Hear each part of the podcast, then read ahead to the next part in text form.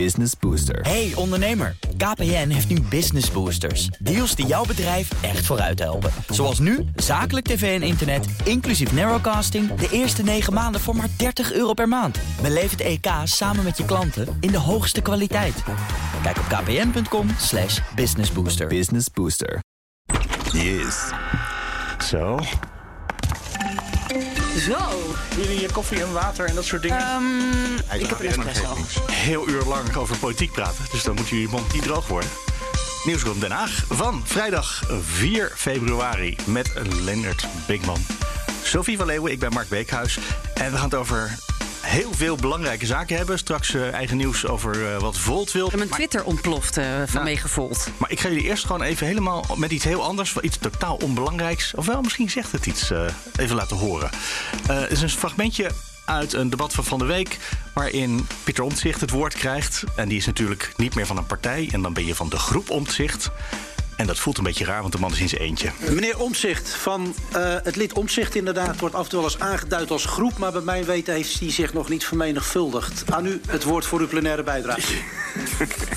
Politiek heb ik mij nog niet vermenigvuldigd, voorzitter. Dank u voor die opmerking. nee, ik ben ook nog tegenstander van klonen. En dat laatste. Hij heeft vier dochters, hè, die omzicht. Dus hij heeft zich Ja. wel vermenigvuldigd. Maar wat, wat zo fijn is, er wordt weer gelachen in de Tweede Kamer. Dat was weg. Eh, ik bedoel, dat is zelfs een keer expliciet benoemd tijdens de formatie of de informatietijd.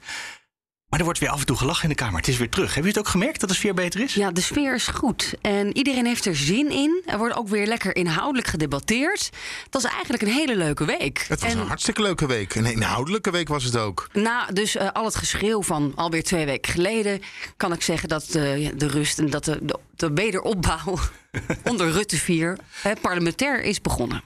De Kamer heeft er zin in. Dan, Volt, je telefoon ontplofte net, zei je al, Sophie. Eh, ja, we hebben van- vanochtend een verhaal gebracht, eh, prominent op zender. ehm, dat bijvoorbeeld de overwaarde op je huis wil belasten. Dus als je hè, je huis verkoopt voor een ton, hup, 17.000 euro belasting naar de staatskas. 17% van de overwaarde. Afrekenen bij je notaris. Heb je de Belastingdienst niet voor nodig. Dat is ook de week van het geld. Hè. De Belastingdienst, box 3, is helemaal kapot. Niemand hoeft nog iets te betalen. Dus eh Volt zegt, pak, de, ja, pak de, de huizenbezitters... die de afgelopen jaren stinkend rijk zijn geworden. Dit klinkt als een heel gemeen instrument, maar dat is het eigenlijk verre van. Want waarom zou je wel over 50.000 euro wat je, waar je hard voor hebt gewerkt... wel heel veel belasting voor moeten betalen... en 50.000 euro aan overwaarde niet? Waarom ontplofte het? Was het allemaal adhesiebetuigingen? Nee, nee mijn Twittervolgers blijken nogal eh, liberaal te zijn, denk ik. En waarschijnlijk allemaal huizenbezitters. zou ik zeggen. Ze zijn heel erg boos. Dat Ja. mens van Volt kan niet nadenken. Stekker eruit. Volt weg. Simpel. of eh, pervers. Nou ja, Gewoon een eh, kwestie van niet op die partij stemmen voor al die volgers van jou. inmiddels heeft eh Nilufer Gundogan een aantal eh, twitteraars geblokkeerd. Zie ik ook. maar dat maakt, als het dus om je portemonnee gaat, om je eigen geld. Die discussie hebben we deze week in de Kamer gezien. Wie, wie gaat er betalen voor de miljarden die we tekort komen in Den Haag?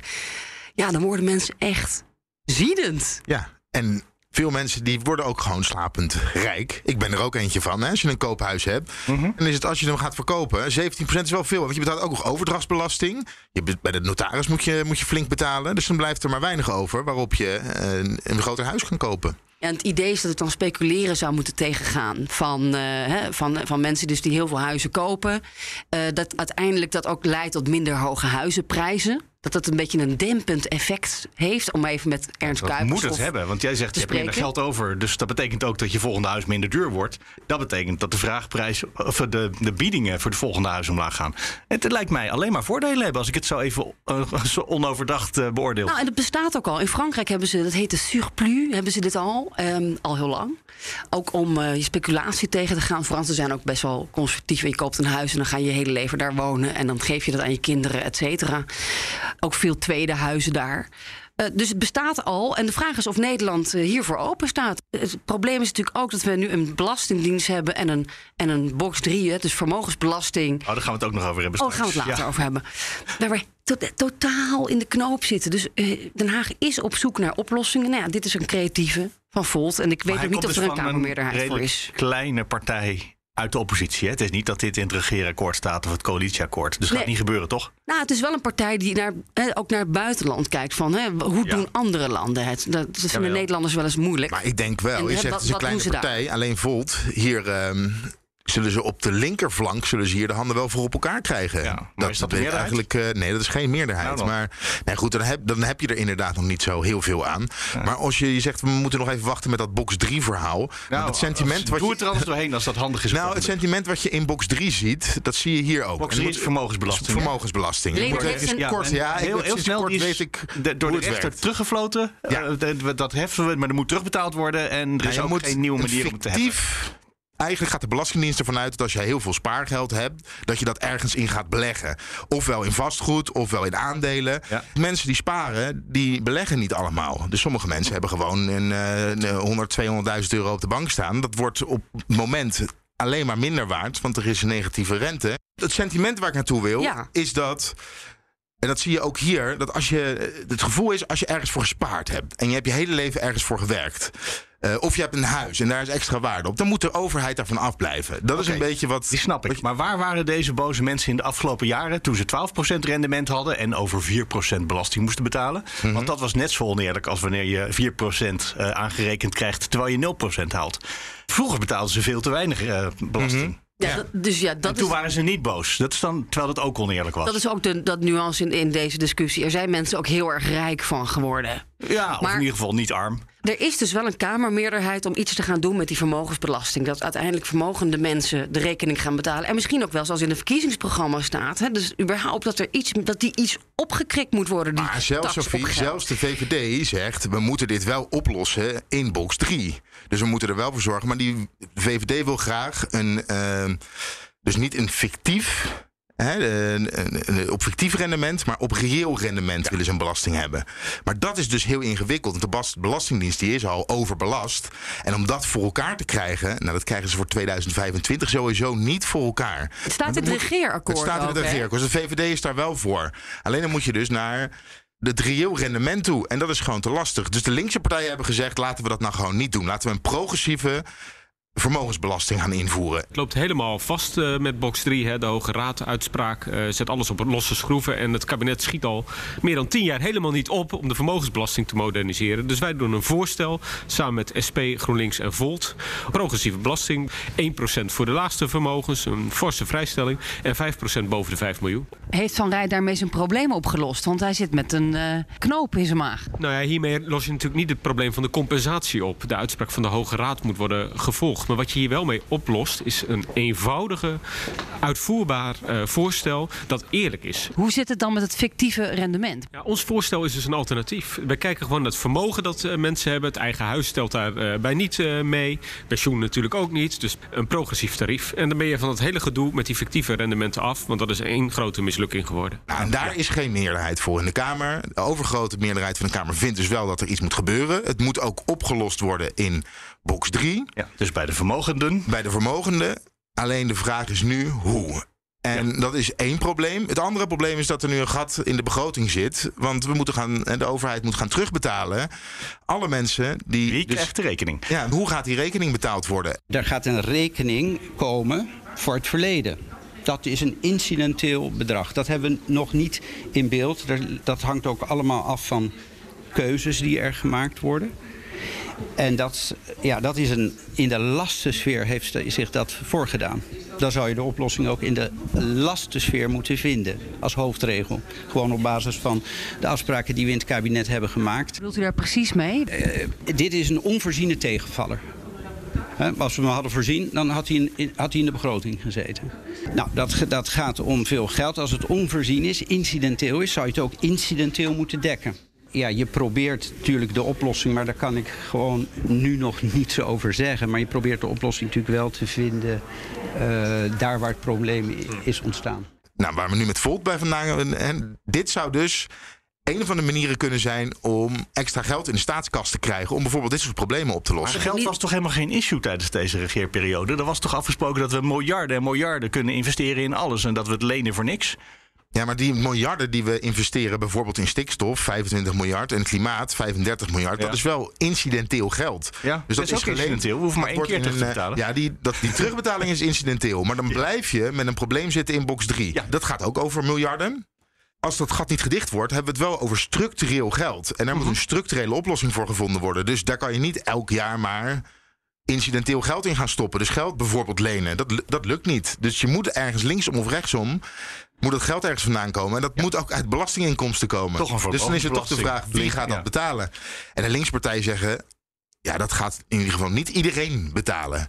Dat, dat moet, die rekening moet komen te liggen bij de mensen in box 3. Er liggen dus al rapporten hè, bij de Belastingdienst. Een rapport dat heet eh, Bouwstenen. En er is al lang een analyse gemaakt dat met de vergrijzing eigenlijk het probleem is de werkende betalen. hè, Dat, dat wordt steeds minder levend dat op, de werkende bevolking.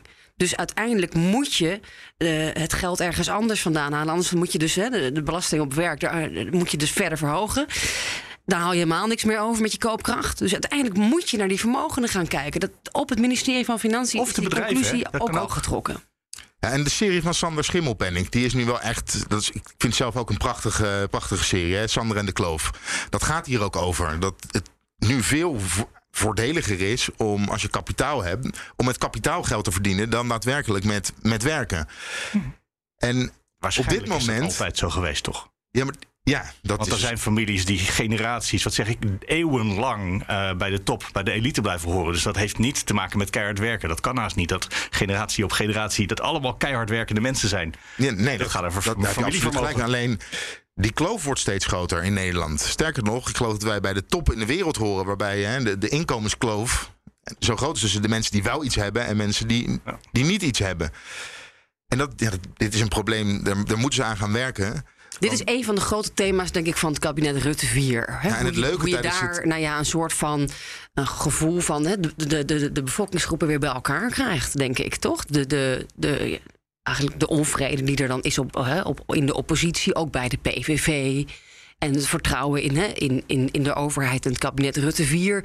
Wat ga je doen dat een beetje te herstellen? Maar iedereen is het er wel over eens. Eh, en staatssecretaris eh, van, eh, van, van Rijn zegt, zegt ook... we moeten dit gaan oplossen. De vraag is nu, en ik vond het een leuk debat... omdat het een echte links-rechts kwestie was, ideologische kwestie. Ik had, je hebt net al gezegd, links wil gewoon op al het vermogen gaan we belasting heffen. Rechts zegt dat is niet eerlijk. En dan krijg je gelijk een verhaal van, hè, we zaten even met een VVD'er te praten. Je hebt iemand die heeft een schoenenzaak gehad, die heeft die verkocht, die heeft anderhalve ton eraan overgehouden, heeft geen pensioen, want was ondernemer. En dat is het pensioen. Nou, op het moment dat je daar dus ook nog eens een keer vermogensbelasting op gaat heffen, dan snoep je dat heel snel af. En dan kan je ongeveer nog 15 jaar zijn, die kan je dan van die anderhalve ton leven. Dan is het op, zit je in eh, bestaansminimum. Dat is natuurlijk één kant van het verhaal. Dat klopt ook. De andere kant van het verhaal is dat er mensen zijn die nu meerdere panden hebben, daar inkomsten uithalen en dat onbelast eh, als, als inkomen hebben. Daar zit helemaal geen belasting op. En wat, wat Ja, er zijn zelfs mensen die een boot laten bouwen en dan denken dat je een monumentale brug in Rotterdam kan laten demonteren. Ik bedoel, er zijn echt hele verschillende perspectieven op de wereld op het ogenblik. Ja, maar de ene kant zegt links, we moeten gewoon op al het vermogen moeten we dus een, eh, een belasting heffen. Rechts zegt, nee, dat is niet eerlijk. Wat we gaan doen is kijken alleen naar de mensen die rendement uit hun vermogen halen. Bijvoorbeeld zo'n huisjesmelker. Nou, als je nou geld verdient uit het rendement, dus het reële rendement, dan gaan we dat belasten. Het is toch een interessante discussie, want je hebt natuurlijk wel mensen die langzaam al hun spaargeld aan het opsnoepen zijn als ze met pensioen zijn. Maar er zijn ook heel veel mensen die heel rijk worden doordat ze geen belasting betalen en pandjes verhuren. Of, want het, over het fictieve rendement, als je de afgelopen jaren wel hebt belegd, bijvoorbeeld met je spaargeld, dan heb je het wel heel slecht gedaan. Wil je daar geen rendement uit gehaald hebben? En wat natuurlijk ook wel pijnlijk is om te zien, is dat er een Kamerdebat gaande is over vermogenden. Mensen die echt wel geld hebben. Maar ondertussen zijn er ook, en daar wordt deze week is daar ook weer volop over gesproken. Over de toeslagenaffaire en de mensen die daar de dupe van zijn geworden. En die afhandeling gaat ontzettend traag. En op het moment dat die discussie gaande is in de Kamer, er is een parlementaire enquête deze week gestart, is de Kamer ook aan het praten over mensen die heel vermogend zijn en die wel of niet een klein beetje belasting daarover moeten gaan betalen. En dat ongemak, ik weet niet of jij dat ook merkt, Sophie, maar die voel je wel ook in, eh, in de Kamer. Ja, en ook als je nu dus geld gaat overmaken aan, eh, aan de vermogende groep. Ja, dan, terwijl we niet eens geld aan Groningen inderdaad of aan de toeslagenouders eh, kunnen overmaken, omdat we dat niet rondkrijgen. Dat is een hele pijnlijke discussie natuurlijk. Anyway, voelt die spinter uh, garen bij? Of zo zeg je dat zo? nou, weet ik eh, niet. Is dat zo? Nou ja, die staan eh, hoog in de peilingen als het gaat om eh, de gemeenteraadsverkiezingen die eraan komen. Dat is de aftrap vandaag, denk ik, eh, Leendert. Vandaag, De afgelopen lijsten maandag, zijn zijn de rond. kieslijsten ingeleverd door de lokale partijen. Het doet Volt overal mee in Nederland. Nou, nee, we zitten hier zelf in een Amsterdamse podcaststudio. Ja. En ehm, ik heb begrepen dat in Amsterdam we een slag krijgen tussen de progressieve partijen op links. En dat het eh, ja, een wedstrijdje wordt tussen GroenLinks, eh, D66.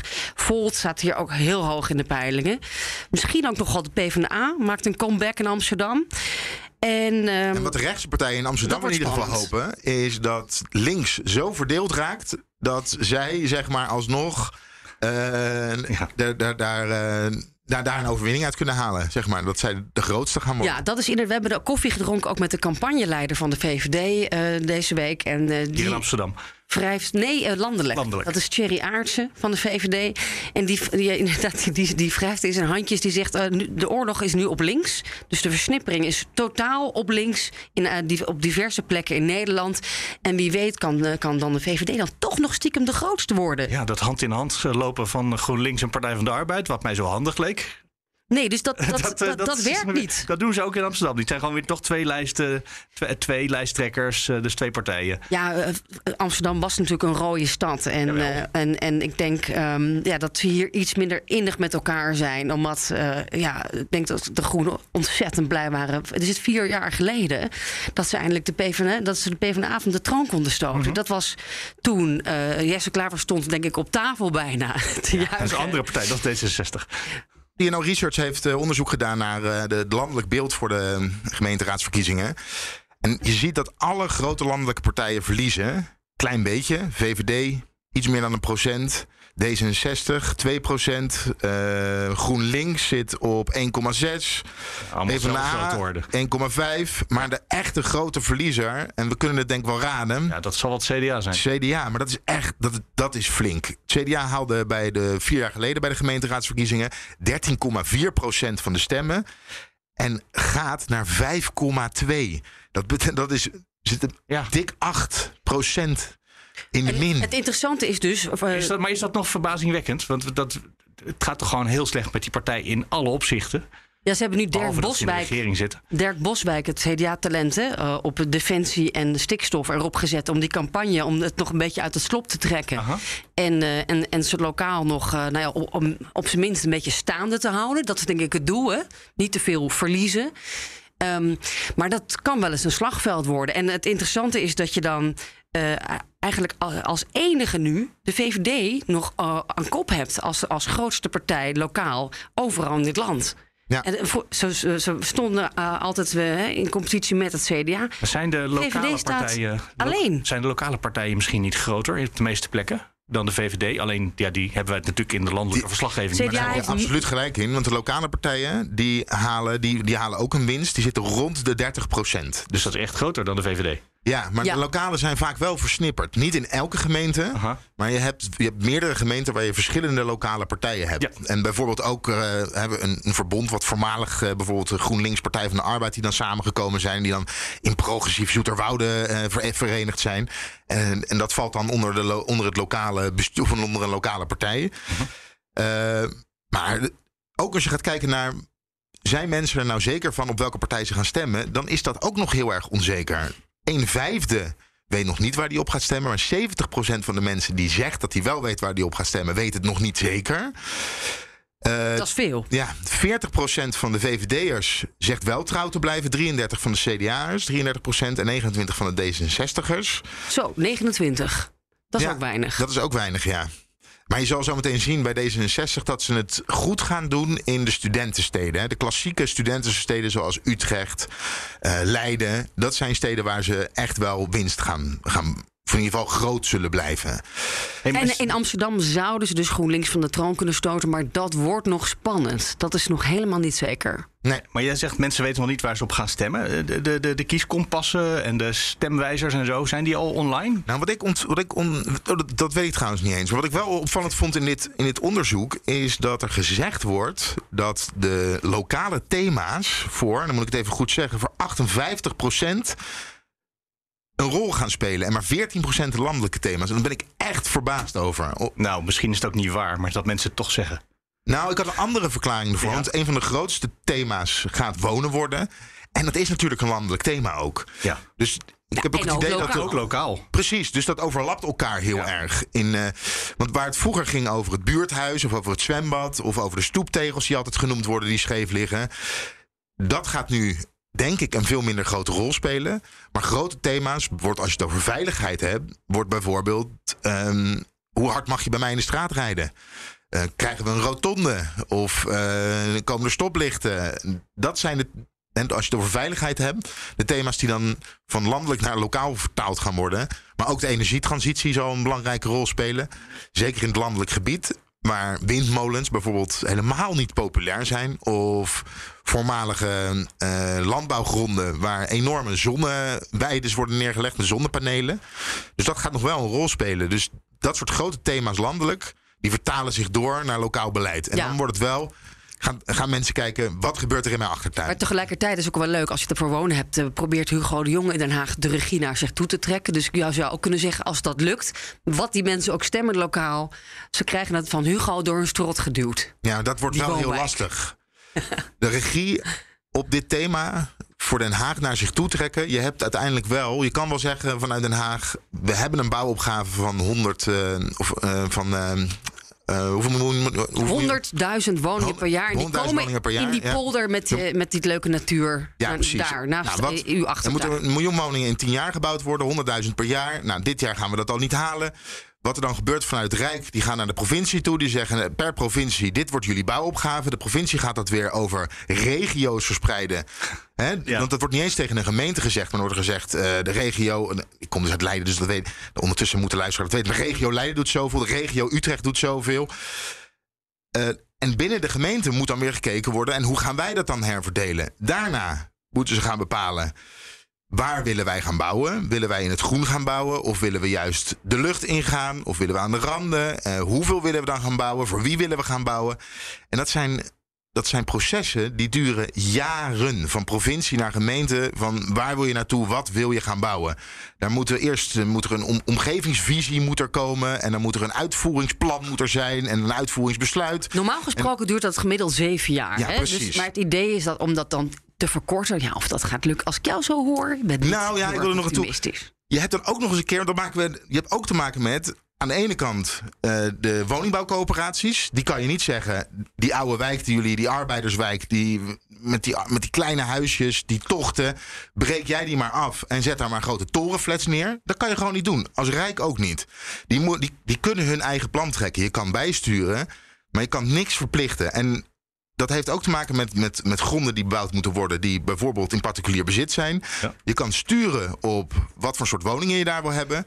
En de gemeente moet wel goedkeuring geven aan een, eh, aan een uitvoeringsplan.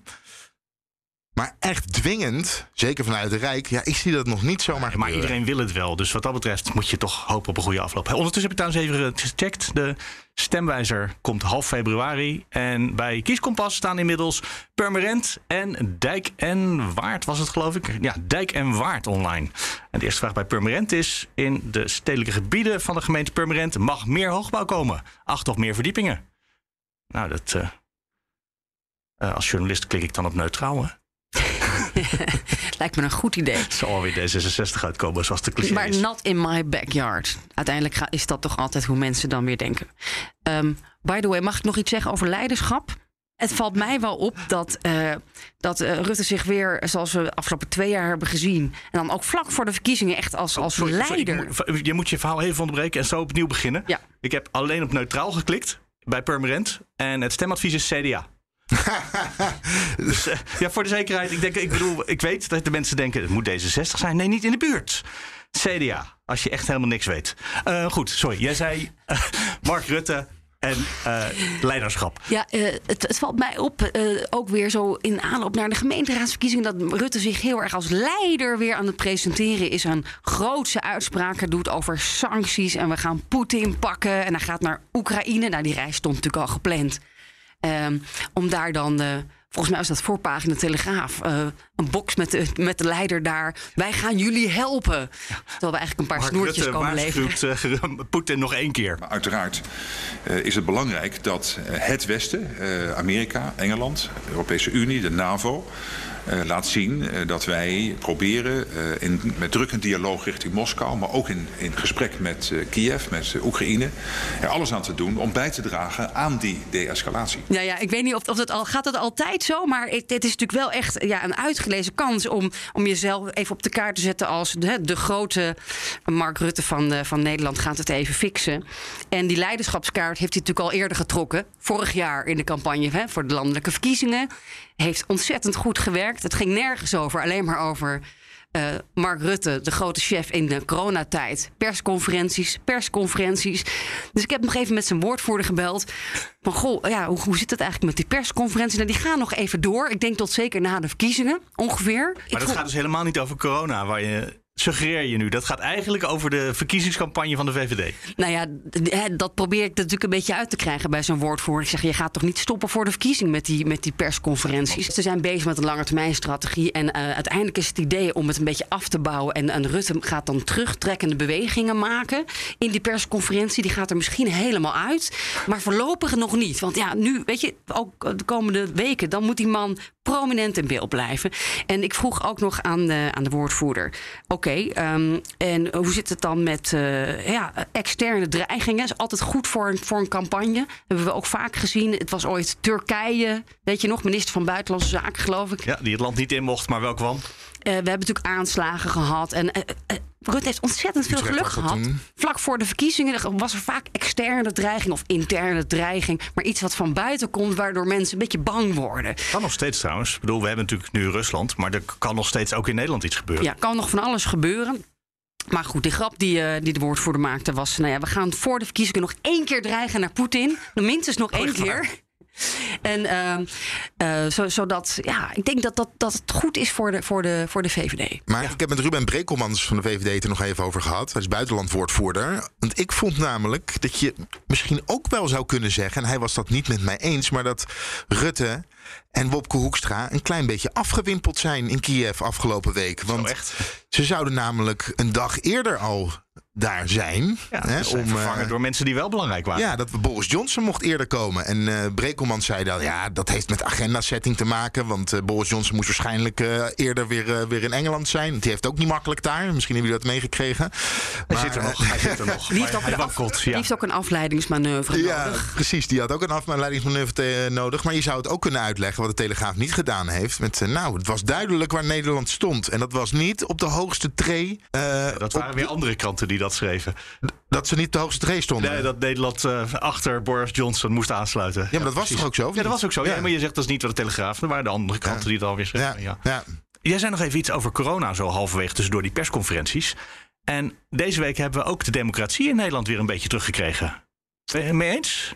Nou, een- beetje, een beetje. Ja, nog niet helemaal, maar de Tweede Kamer vecht terug langzaamaan. Het is dus nog niet zo dat er eerst een Kamerdebat komt en dan een persconferentie. Dat wil ook een groot deel van de Kamer gewoon. Hè, democratische besluitvorming. Ja, bijvoorbeeld Over hè, nou ja, wat we nu ook met 2G eigenlijk zien. Dat wordt dan volgende week in een motie van Kees van der Staaij en Pieter Omtzigt hoofdelijk over gestemd.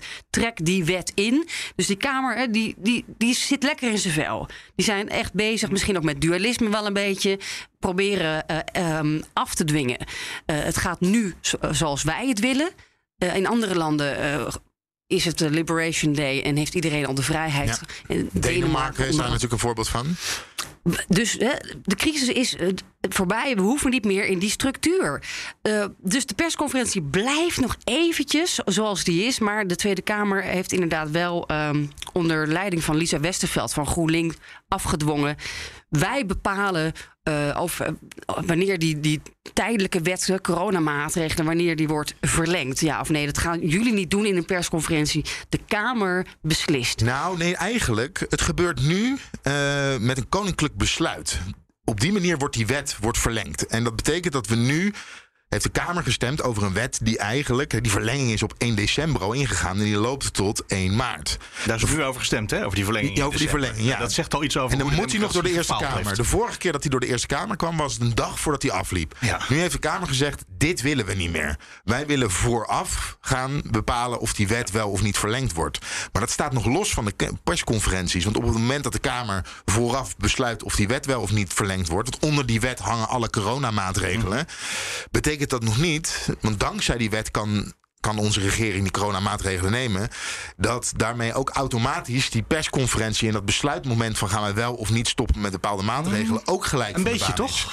Nee, als die wet, als die wet uh, niet verlengd wordt, dan stoppen alle coronamaatregelen. Tuurlijk, dat, nou, dat, dat is absoluut en waar. Zolang die uh, in, in uh, werking blijft, maar zolang kan de regering ermee aan de slag. Ja, maar zolang die wet in werking is, ja. kan de regering ook maatregelen afkondigen en aankondigen. Ja. En kunnen ze ook nog er zelf voor kiezen om die persconferentie.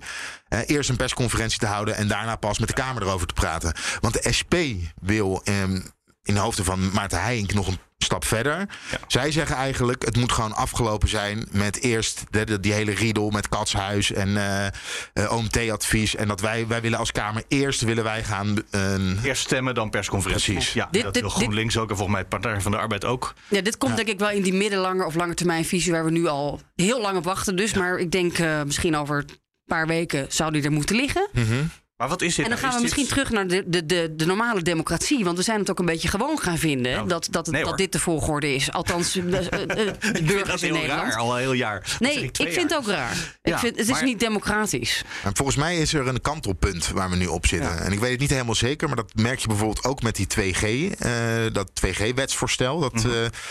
dat nu van tafel gaat. Want nou ja, het is, het is ingeslikt, maar... Het, hè, nou, er wordt nog steeds over gestemd, hè, dinsdag. Ja. Uh, dat is een, het inslikken gaat in stapjes, hè? Er ligt dus een wetsvoorstel om, uh, om, om 2G in, in te voeren... of in de gereedschapskist ja, in ieder geval te houden. Te maken. Op dit moment zijn de aantallen besmettingen torenhoog. En hebben tegelijkertijd de wens om de maatschappij zo snel mogelijk... en zoveel mogelijk open te zetten. En in die situatie gebruiken we nu de 3G, zoals iedereen het ondertussen al wel kent, uh, CTB, uh, in een aantal situaties. Uh, we hebben daar nu verdere antwoorden op gegeven, ook naar aanleiding van een rapport van de TU Delft. En daar gaan we het gesprek over aan. De Raad van State schreef een advies eind vorig jaar. En daarin zeggen zij, nou, het is nu echt nodig. Kijk naar de besmettingen. Dat is een Delta-advies. Maar dat is nu achterhaald. Moet u niet gewoon een nieuw advies vragen bij de Raad van State?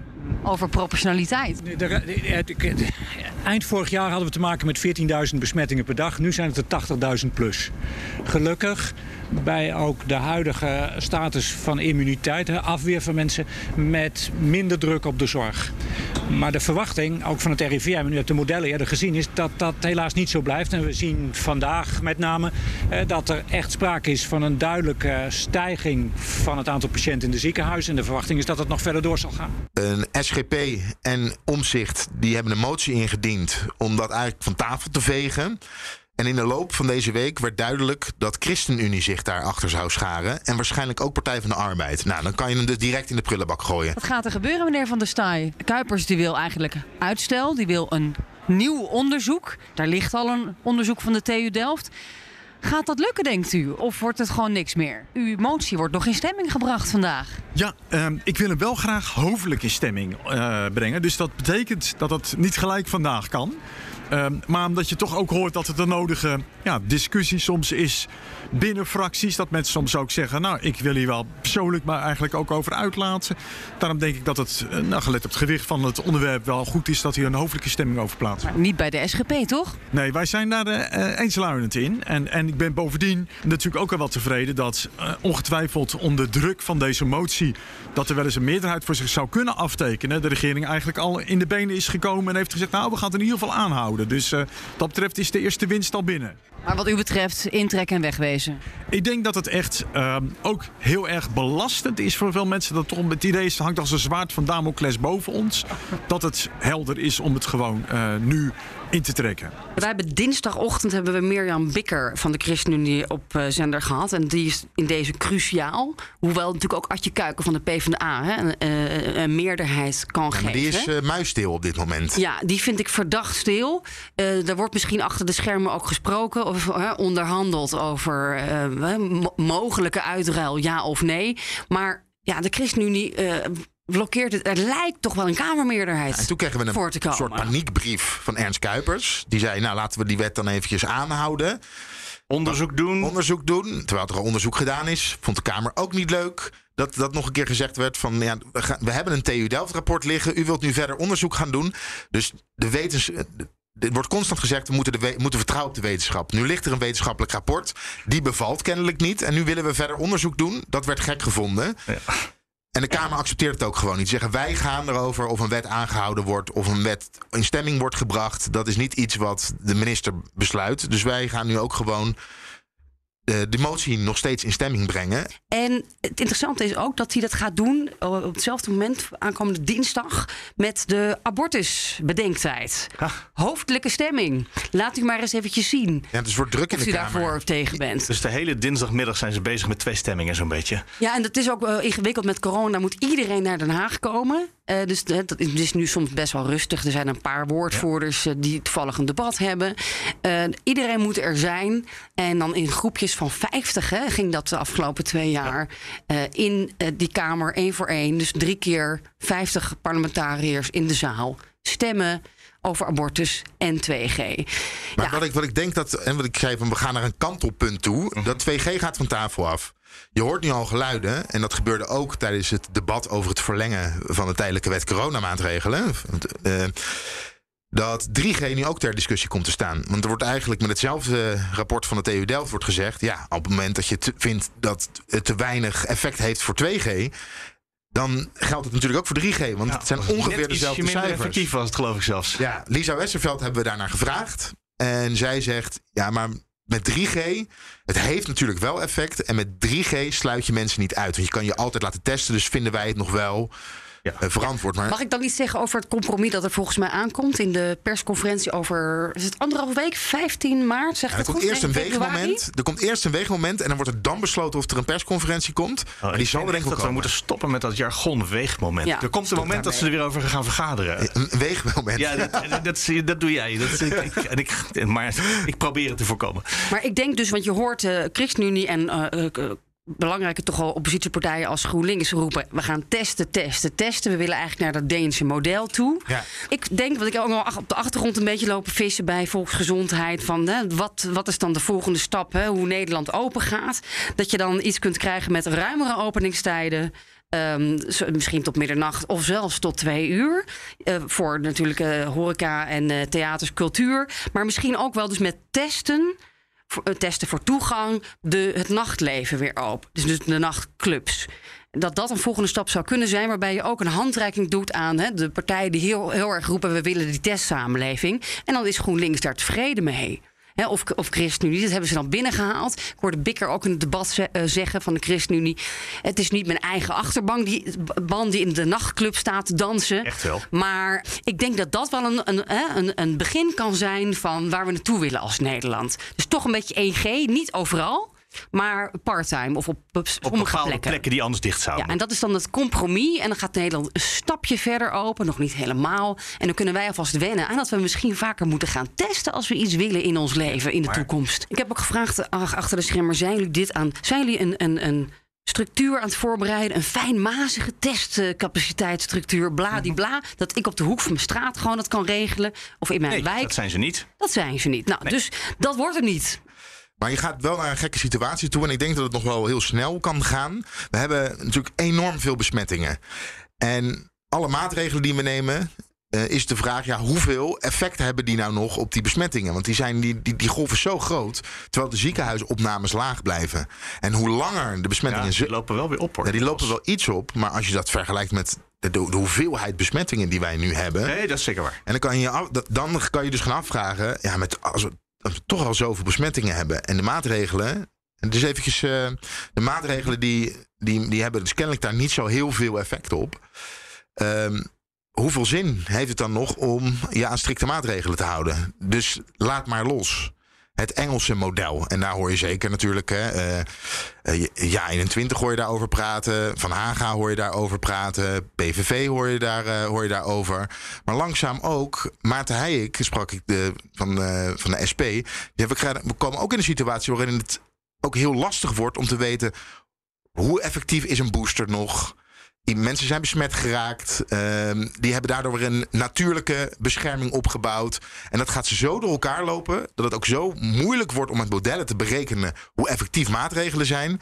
Dat het wel heel lastig wordt om uh, maatregelen uh, rationeel te verantwoorden. Ik vond trouwens nog wel bijzonder het debat met Kuipers dus deze week over die verlenging van die wet.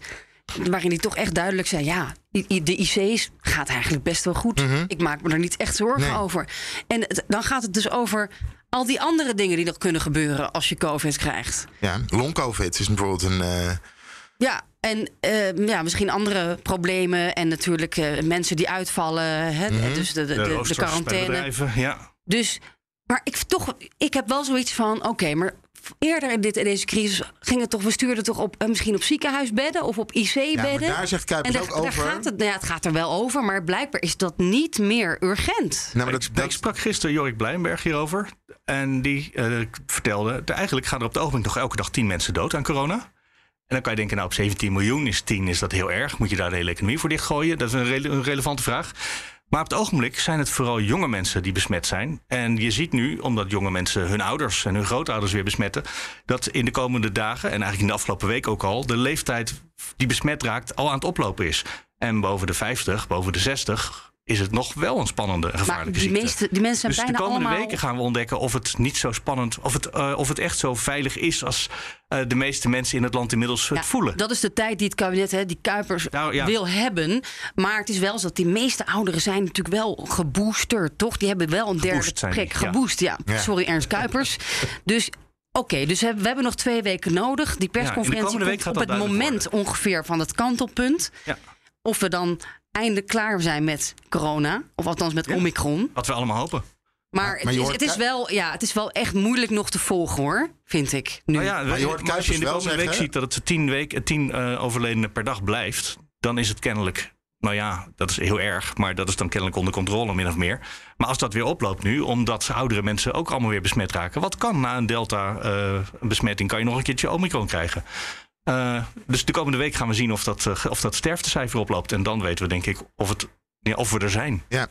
Maar Kuipers hoor je wel zeggen over de IC, het sturen op IC-bedden, wat er gebeurd is. Dat dat te eenzijdig is geweest, in ieder geval in de beeldvorming, omdat het veel breder is. Hij zegt, het zijn niet alleen de IC-bedden, het zijn ook gewoon de verpleeghuizen waar, eh, waar dit een probleem is. Eigenlijk in de maatschappij breed, maar in ieder geval de hele zorgketen. En nu ook huisartsen die overbelast zijn. Dit, dit, dit belast de hele zorgketen. Als je alleen maar naar de IC-bedden gaat kijken, dan Ja. is dat een te klein Dat is wel zo, maar ik voel me dan toch een beetje belazerd. Snap je dat ik dat voel als ik daarnaar zit te kijken? Ik, Het is dat, toch zo dat in de verschillende fases van de, van de crisis er verschillende dingen belangrijk zijn? dat is ook zo, maar aan de Dus andere dan ben je kant... niet belazerd. Gewoon de, de, de situatie is veranderd. Ja, nee, maar ik bedoel, hè, als jij een, een hè, ondernemer bent en je hebt een, een café of je, je hebt een voorstelling, ja, of een nachtclub, dan voel je je toch belazerd. Dat is toch ook, dat, dat doet toch ook bij, oké, de huisarts is overbelast. Maar eh, hè, als jij je pensioen hebt opgegeten, et cetera, Mhm. dat is ook heel erg. Nou, punt weer gemaakt. Ja, ik zei niet dat het niet erg was. Zullen we het nog even hebben over de enquête? Want er is weer een parlementaire enquêtecommissie eh, geïnstalleerd. Gisteren was het geloof ik. eh, Dat was eh, donderdagochtend. Stonden wij daar allebei om een uurtje of half, tien, kwart voor tien. Ik, de eerste keer dat ik dat meemaakte. Dus de echte installatie, de aftrap van een parlementaire enquêtecommissie. Hè? Dus nog Ja, niet de enquête zelf. De toeslagenaffaire, toeslagenschandaal hebben we natuurlijk wel een parlementaire ondervragingscommissie gehad. Ja, de mini-enquête. En dan denk je, moeten we nou weer een Ja. onderzoek gaan doen? Want Zucht. de vraag was nogal beperkt opgesteld vorige keer, toch? Wat ze nu gaan doen. ehm, ze, ze zeggen heel veel vragen zijn niet beantwoord.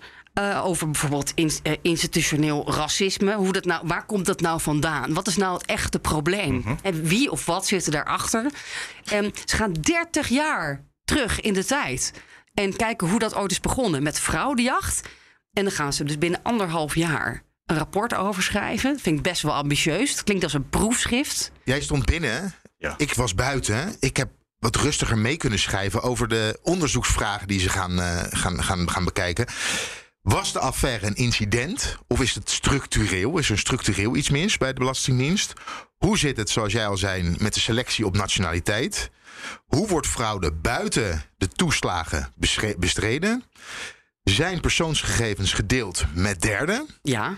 En wat was de rol van de Tweede Kamer? Dus oh, dat weten we ook al wel een beetje. Ja. Maar dat Heel zijn veel de van vijf, deze vragen dat kunnen zijn wij vijf. hier met z'n drieën al wel beantwoorden. Of is, ben ik een beetje... Nee, Ja, de Tweede Kamer moet zichzelf hè, officieel nog in de spiegel kijken. Dat was ook een van de. Hè, dat was dan kritiek. ja, dat is waar. wel. Iedereen had dat inmiddels gedaan, behalve de politiek. Ja, want wie maakt wetten? Wie maakt misschien slechte wetten? Eh, wie is uiteindelijk of had het kunnen voorkomen of verantwoordelijk ook? Eh, ook voor dingen die eh, de Belastingdienst oplegt, waardoor ze weer overbelast zijn en hun werk niet goed kunnen doen. Uiteindelijk is de Tweede Kamer ook heeft een cruciale rol. Daar ben ik wel benieuwd naar. Ehm, wat daaruit gaat komen. Nou, het is natuurlijk diezelfde Tweede Kamer. En er is een beroemd fragmentje van Omzicht. De man die alle credits naar hem. eh, dat hij die toeslagenaffaires eh, op de kaart heeft gezet. Samen met eh, Renske Leijten. Hij heeft ooit de Bulgaren-fraude dus, uh, Ja, aangezwengeld. hè? precies. Ja. Het is dezelfde Tweede Kamer geweest. Die, en daar heeft Omzicht ook in meegestemd. Die eh, ooit met die Bulgaren-fraude. eh, een begin heeft gemaakt met, het, met, eigenlijk met de praktijken. Waardoor, waar we, waar we hier, waardoor we hier terechtgekomen zijn. Ja, dus dat is. Gaan- ja, en ze gaan nu een jaar onderduiken, geloof ik. Hè? Eerst tenminste onderduiken, maar in ieder geval even achter de schermen werken. Daar gaan we nog niks van horen. En op een goed moment komen er dan over een jaar ongeveer openbare verhoren. Ja, ze hebben ongeveer eh, een stuk of tien eh, mensen, zeg maar onderzoekers in dienst die werken voor deze eh, parlementaire enquêtecommissie. En die gaan dan schakelen met de ministeries. Dus financiën, sociale zaken. Documenten opvragen, eh, dat soort zaken. En eh, zij willen dus alles op tafel dit keer. Nou ja, Nou, de Dus daar hebben ze uit echt- het verleden is geen garantie voor de toekomst in deze. Ja, succes. Hè? Op- Bij de, vooral bij de Belastingdienst. eh, ga, ga al die papieren maar zoeken van 30 jaar geleden. Gaan ze die vinden? Zijn de, is het archief orde? Nee. Hebben ze het? Jawel, maar Willen zijn ze het geven? om die te geven? Waarschijnlijk niet, want dat was wat met eh, de, de, de vraagcommissie eh, redelijk helder werd. Ja, interessant is dat er nu er zit een team, dus ook tientallen ambtenaren op financiën, eh, Ja. dus sociale zaken, die dus moeten helpen. Ja. die, die, die poppetjes van de commissie moeten helpen bij het onderzoek. Dat is de Dan- optimistische formulering. Gaan Je ze kan ook helpen? denken dat ze denken: wat, wat kunnen we binnenhouden en wat moeten we per se geven omdat het echt moet? Dat, dat vind ik wel heel spannend. Dat is het ministerie natuurlijk van Sigrid Kaag. Hè? Dus daar kunnen we haar goed op gaan bevragen. weet Die of toch jullie- eindverantwoordelijk is voor de transparantie van haar ministerie. Ik weet niet of jullie nog eh, de jaren negentig kunnen herinneren. Ik was erbij. Jij was erbij? Jazeker, de hele jaren negentig. Ja, oké. nee, maar daar hebben we ook een, onderzoeks, een parlementaire eh, onderzoekscommissie gehad. Van Tra, denk Van ik. Tra, ja. Ja. Eh, dat ging over de... Over de opsporingsmethode, hoe de politie zich eh, misdroeg. Eh, niet aan de wet drugshandel eh, kwam daar te sprake. Als iemand iets wil weten, moeten ze even zoeken op het woord sapman. Maar je wordt onder, e- nou, onder Ede. De, de, de, de, commissie kan beleidsmakers eh, naar, de, naar de Kamer roepen en horen. Iedereen eigenlijk. Dus het gaat echt heel spannend gaat dit worden hoor. Toen de tijd was het goede televisie in ieder geval. eh, dat werd ook dat met uitgezonden. eh, de ondervragingscommissie die we net gehad hebben natuurlijk ook. En alle mensen die erover gingen, alle politici, die hadden ongelooflijk last van geheugenverlies ineens. Het was echt ontluisterend. Niemand wist ervan. Lodewijk Asscher, Wopke Hoekstra, nou ja, Tamara van Ark, alle voorgangers natuurlijk, die allemaal eh, in, de, in de derry hadden gezeten. Mark Rutte. Om Mark maar Rutte eentje te ook. noemen, ja. Eh, en ook topambtenaren trouwens, die voor een deel buikpijn hadden... en voor een deel zich niets meer herinnerden... of het nooit gezien hadden of niet wisten dat ze het gezien hadden. Afijn, dat gaan we dus in het komend jaar... Ja, we niet- moeten niet- nog we even- gaan er niet veel van meekrijgen, denk ik. Nou, we moeten eventjes gaan, eh, misschien moeten we het allebei gewoon gaan doen, maar eh, onderverdelen. We hebben ook nog de parlementaire enquête. Groningen wordt ook razend die mag naar mij toe, denk ik. Mag die naar jou Ja, toe? want ik heb natuurlijk over, eh, over, over de stikstof en dan de energietransitie. En dan past die daar wel bij. Ik weet niet uit mijn hoofd wanneer die begint. Volgens mij is die voorjaar 23 zou dat rapport er moeten liggen uit mijn hoofd. Maar goed, dus we hebben nog even. Dus die moet ook binnenkort van start. Of is die al begonnen? Ze zijn achter de schermen al heel lang bezig. Ja. Maar eh, de Tom van der Lee, GroenLinks, eh, Gijs van Dijk zit er ook in, P van de A. En Dat is ook wel gek hoor, want ze hebben het daar zo druk mee. Niet Nijboer van de PvdA, die zich echt heel boos maakt over dat domein. Ja, maar die, die is denk ik een beetje te partijdig. Die is inmiddels zo boos dat hij dat niet meer onafhankelijk kan Ja, onderzoeken. en bovendien, hè, ze hebben ook. Weet je, weet je hoeveel tijd dat kost? Ja. Nou ja, Ik we hadden- gisteren Sylvana nog even. Sylvana Simons, Simons. van B1. Die, die zit er ook in. En trouwens, Dat is een, dat is een eenmansfractie. En dat is een tw- tweemansfractie. Ja, ik zeg, hoe, hoe, hoe ga je dat doen? Nou, ja, minder vaak eh, te zien in de, in de plenaire zaal als eenmansfractie. Ik vind het wel goed. Als je dan zegt, ik vind dit zo belangrijk, dan ben ik maar wat minder zichtbaar. Is voor haar natuurlijk een speerpunt, denk ik, voor bijeen. De ChristenUnie heeft nu een nieuw Kamerlid. En die krijgt geen portefeuilles. Die gaat alleen maar op de enquêtes gaat zij zitten. Zo druk is het om, om dit te doen. Je hebt echt nergens anders meer tijd voor. Dus zo iemand als Sylvana Simons... Ja, die... die, eh, die eh, Nee, maar het gaat over het kernpunt van haar Tuurlijk, bestaan. tuurlijk is zij daarbij, Het gaat ja. over discriminatie. En dat is wat er bij de toeslagenschandaal gebeurd is. Ehm, hoewel de minister dat geloof ik nog niet hardop wil zeggen. Wat ook bizar is wat ik hoor. Dus ze hebben het zo druk. Al die kleine fracties, het zijn er dus 19.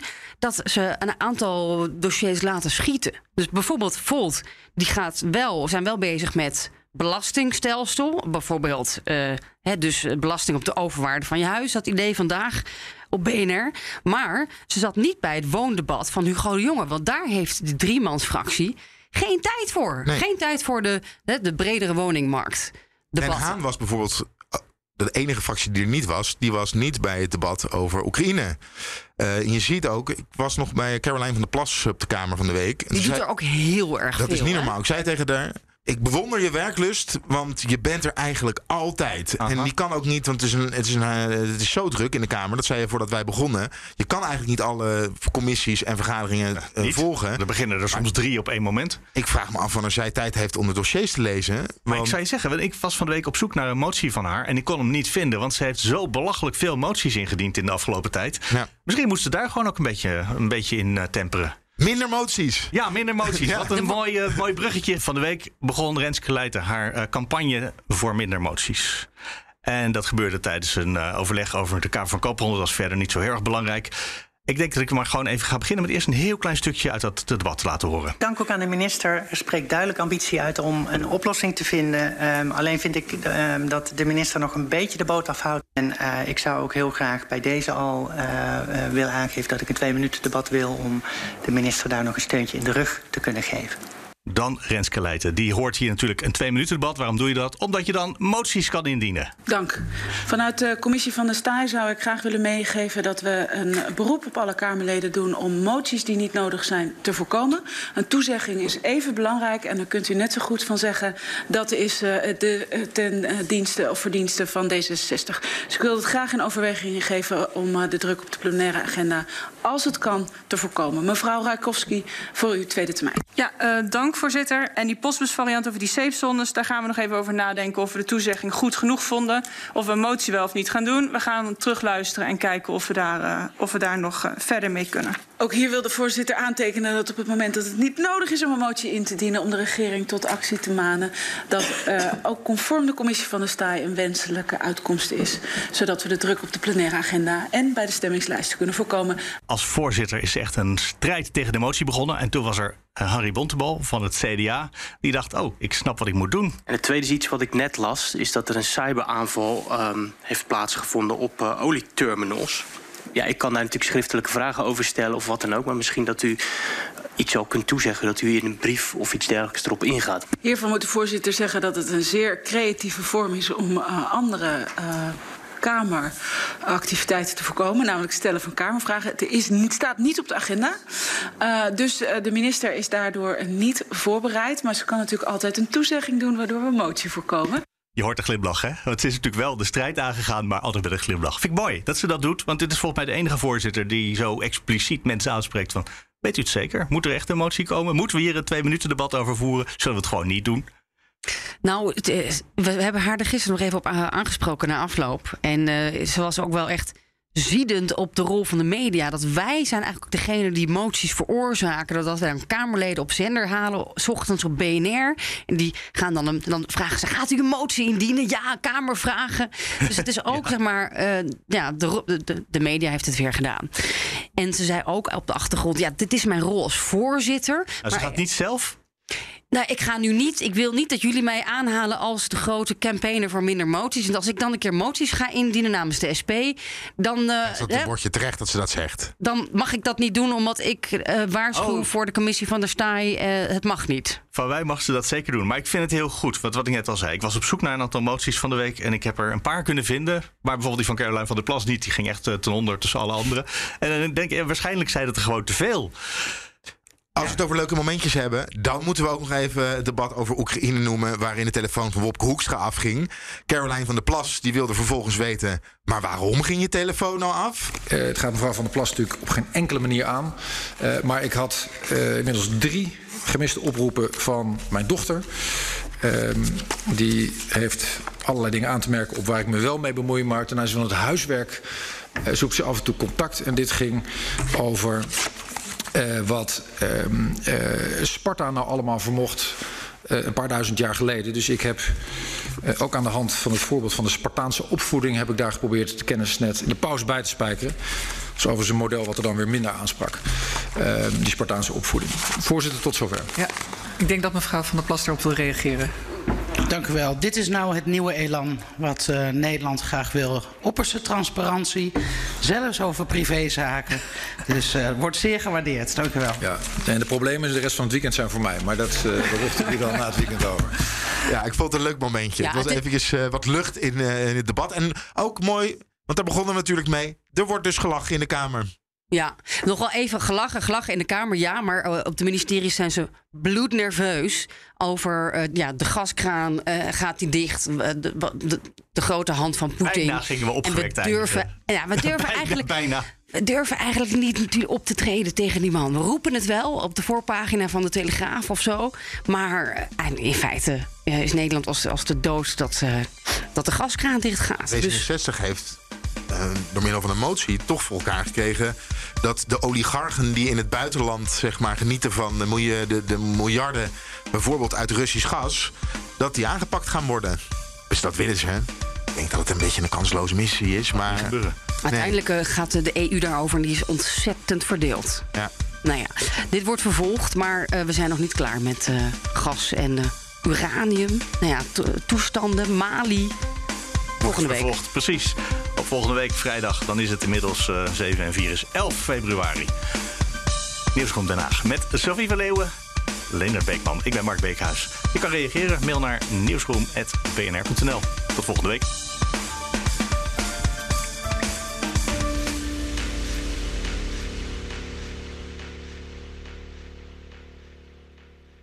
Business Booster. Hey ondernemer, KPN heeft nu Business Boosters. Deals die jouw bedrijf echt vooruit helpen. Zoals nu, zakelijk tv en internet, inclusief narrowcasting... de eerste 9 maanden voor maar 30 euro per maand. Beleef het EK samen met je klanten in de hoogste kwaliteit.